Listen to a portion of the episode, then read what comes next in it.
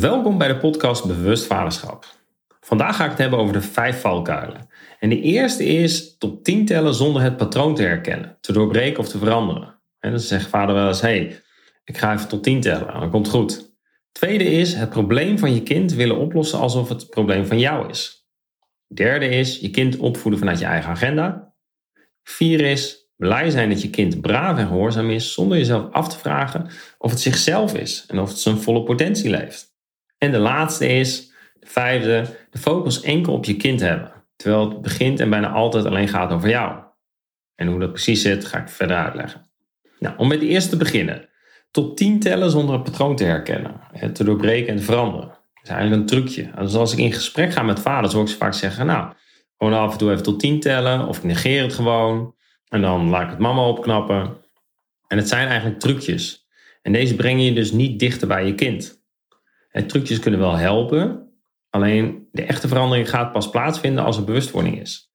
En de manier om hier naar te kijken is als je tegenaan loopt dat je regelmatig een zachte band hebt van je fiets. En dan kan je dus je band blijven oppompen, trucjes, maar je kan dus ook terug naar de oorzaak. En dat kan zijn dat je het kleine gaatje gaat plakken of dat je, en ook dat je het glas voor het fietsbok gaat opruimen. kortom, je gaat terug naar de oorzaak.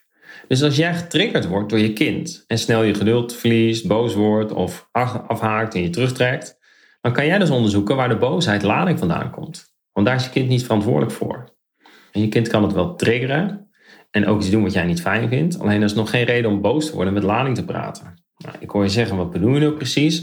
Ik mag toch wel boos worden om mijn kind? Jazeker. En ik zal het ook toelichten. Dus als je broertje bijvoorbeeld vroeger meer aandacht kreeg, omdat het ging zeuren, dan kan het nu zijn dat jij extra gevoelig bent als jouw kinderen gaan zeuren. En de uitvergrote of zelfs heftige reactie, vaak met lading, gaat dan over jou en staat dus niet in verhouding tot wat je kind werkelijk doet. Maar je kan ook op een rustige manier vertellen wat je niet fijn vindt aan je kind. dit is een voorbeeld hoe triggers vanuit het verleden kunnen leiden hoe je in het hier en nu reageert. En wellicht herken je het al, die momenten dat ze echt het bloed onder je naast vandaan halen. Terwijl bij andere dingen, of bij diezelfde dingen, jouw partner helemaal niet zo reageert. Nou, dan weet je dat er iets zit bij jou. Nou, schrijf voor jezelf eens op wat jouw triggers zijn in relatie tot je kind en wat dit over jou en jouw ervaringen zegt. En wellicht herken je de triggers ook in andere omgeving, bijvoorbeeld in je werk of in je vriendenkring. Dit was het gedeelte over trucjes inzetten zonder bewustwording, eigenlijk om een echte verandering te kunnen realiseren. Tweede is het probleem van je kind willen oplossen alsof het jouw probleem is. En hoe vaak sta jij stil bij wiens probleem het is? En denk daarbij ook aan de gevolgen. Nou, op het moment dat jij je druk maakt over problemen die eigenlijk van je kind zijn, maak je onnodig druk. En lijkt dit ook vaak tot frustratie bij jezelf of bij je kind en is het gevolg dus minder verbinding. Denk hierbij aan je kind die zonder jas naar buiten gaat, of je kind die niet wil eten, of geen groente wil eten, of wat hij ook niet wil eten. Of juist dat hij te veel eet, kan ook nog. Zitten heel veel thema's rond eten. Of je kind wordt niet gevraagd op het feestje van, de, van haar beste vriendin en is heel verdrietig. Maar dit zijn problemen van je kind en niet van jou als ouder. Nou, vaak als ik deze voorbeelden geef, komen ouders in protest. En zeker als ik het voorbeeld ook nog geef dat gepest worden ook onder het probleem van het kind valt. Nou, mocht je dit gevoel ook hebben en wil je leren, neem dan gerust contact met me op. En later heb ik ook nog eh, het e-book voor je, die je daarbij zeker kan helpen.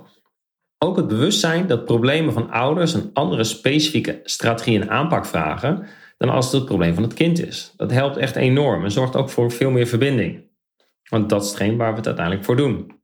Vorige week had ik een terugkomdag van bewust moederschap. En dus deze moeders die hebben de online training gedaan en die hebben een terugkomdag gehad en die wilden er nog een.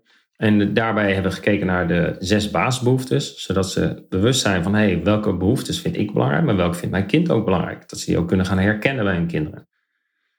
En daarnaast hebben we stilgestaan bij familieopstellingen, zodat ze snappen wat er uit het familiesysteem komt en wat er in de gezinsrelatie, in de onderlinge verhoudingen, wat daar plaatsvindt en hoe dat werkt. Nou, super waardevol. Maar bij de start van de dag begonnen ze ook met dat ze thuis veel meer rust en gezelligheid ervaren. En nu ze dus onderscheid kunnen maken van wie het probleem is. En dus ook weten hoe ze nu wel kunnen reageren in de verschillende situaties. hoe mooi is dat? Leuk om te vertellen is dat je valkuil 1 en 2 hè, terugvindt dus in mijn e-book, waarbij ik je nog meer handvaten geef over hoe je de problemen en de valkuilen kunt voorkomen. Waardoor je dus meer verbinding kan krijgen met je kind. Nou, dit waren de twee. En de derde is je kind opvoeden vanuit je eigen agenda. Als je mij al een tijdje volgt en de podcast hebt geluisterd, ken je de voorbeelden van ouders die het belangrijk vinden dat hun kind regelmatig naar het bos gaat, naar de beste school, drie keer in de week sport en twee keer muziekles heeft, speelt met de populairste kinderen van de klas. En hierbij gaat het vaak over de agenda van de ouder die een goede ouder wil zijn, in plaats van de behoefte van het kind. Deze zal helder zijn. Daarnaast heb je nog een onbewust stuk. Want alles wat je wil voor je kinderen is gebaseerd op wat jij zelf belangrijk vindt. In andere woorden zijn dit jouw waarden en overtuigingen in de opvoeding. En om daar verder op in te zoomen, zal ik de waarden en overtuigingen ook toelichten. Het hoeft overigens niet altijd, maar vaak gebeurt dit en zeker omdat het vaak nog onbewust is. Waarden als eerste. Waarden geven aan wie we zijn en sturen ons gedrag. Het is de drijvende kracht en daarmee dus van wezenlijk belang in alles wat je doet. Nou, waarden kunnen bijvoorbeeld zijn liefde, avontuur, comfort, succes, eerlijkheid, dienstbaar zijn of groei. En je kan je voorstellen dat een kind eh, van een vader die opvoedt met de hoogste waarde comfort een hele andere vakantie heeft dan een vader, ja, een vader met de waarde van avontuur. Dat hij dat het belangrijkst vindt. Maar denk ook aan een vader die zijn kinderen opvoedt vanuit de waarde dienstbaar zijn versus constant presteren en altijd het beste moeten zijn. Het heeft een heel ander effect op de kinderen. Ander voorbeeld is nog bijvoorbeeld, en dat is ook leuk om eh, te gaan ontdekken, de verschillen tussen waardes. Bijvoorbeeld, stel jij vindt succes en eerlijkheid van belang voor je kinderen. En dan kan zomaar zijn dat jij succes belangrijk vindt dan eerlijkheid. En dan beseffen kinderen, want die komen er gaandeweg achter, dat het dus ook oké is om af en toe een leugentje te hebben als er maar succes is. Nou, veel ouders zijn hier niet bewust van hè, dat ze succes heel belangrijk vinden en dan dus boos worden als een kind niet eerlijk is. En kinderen doen niks anders dan dat ze manieren gaan zoeken als ze denken dat het in de kosten gaat van het goed willen doen in de ogen van hun ouders. Dan kunnen ze dus dingen voor zichzelf gaan houden.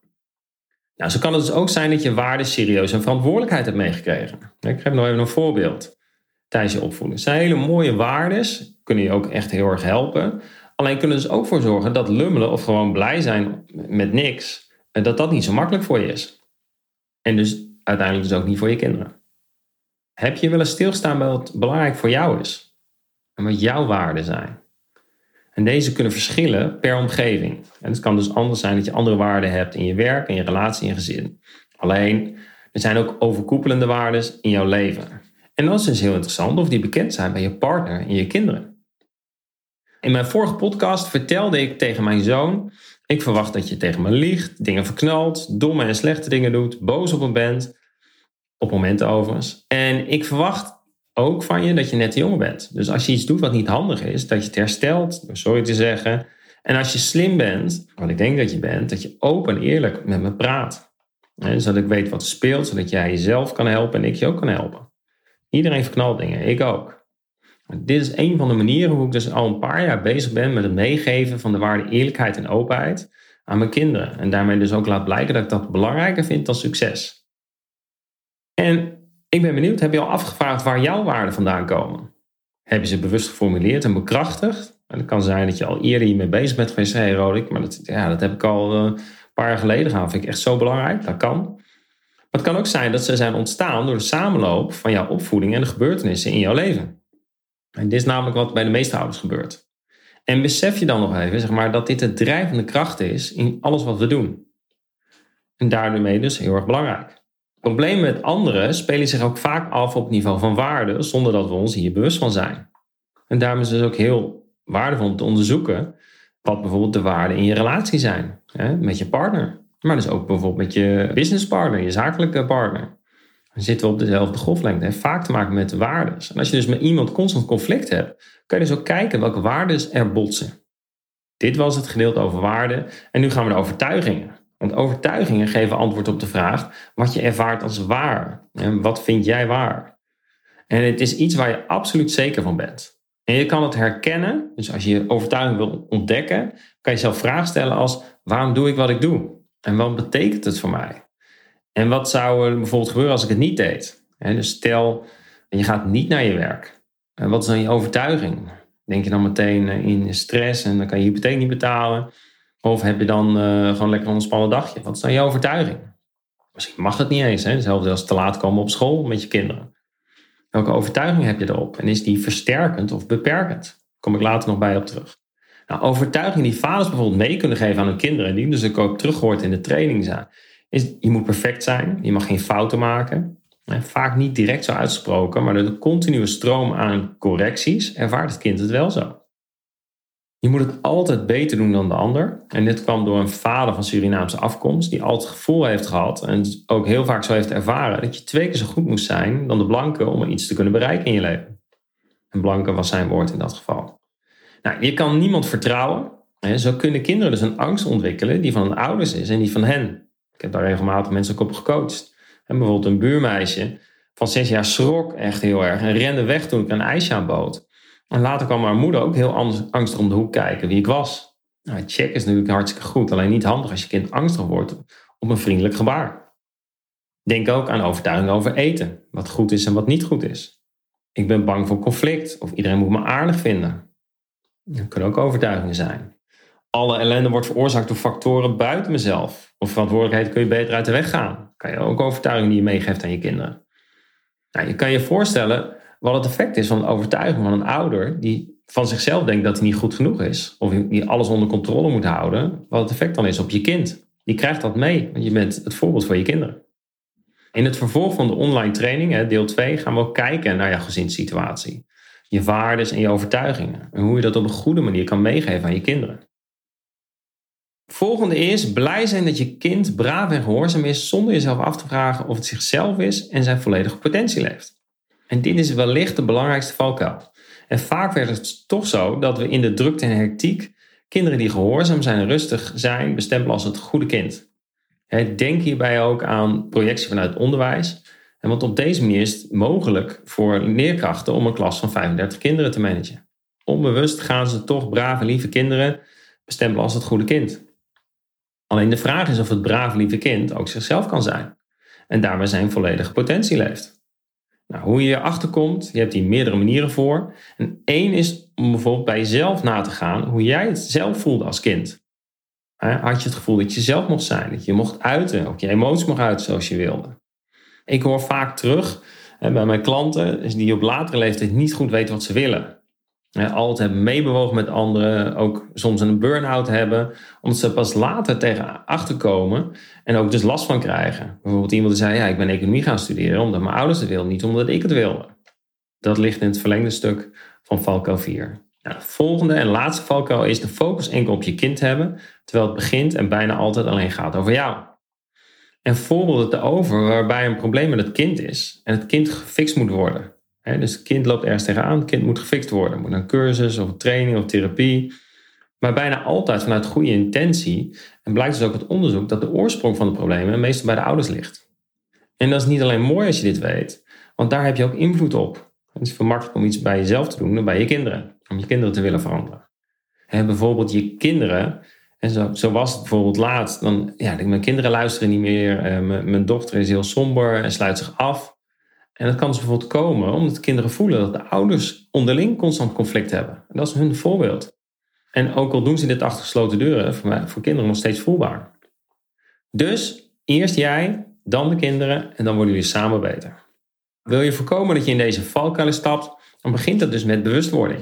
Bewustwording van jouw kijk op de wereld, jouw triggers, jouw gedrag en vooral ook dus jouw overtuigingen. Schrijf eens op, wat zijn jouw overtuigingen over je kind? Wat zijn je overtuigingen over de opvoeding? Is dat leuk? Is dat zwaar? En ook over jezelf. Wat is de overtuiging over jezelf? Wat voor zelfbeeld heb je? En wat geloof jij daarin? En wat heb je bijvoorbeeld meegekregen van je ouders? Doe me normaal, doe je al goed genoeg? Of je kan de wereld aan, je kan alles. Wat heb je meegekregen? En in hoeverre zijn dit dus versterkende of beperkende overtuigingen? En de kunst is om de beperkende overtuiging om te draaien naar versterkende. Nou, ik wens je er veel succes mee en wens je een hele fijne dag.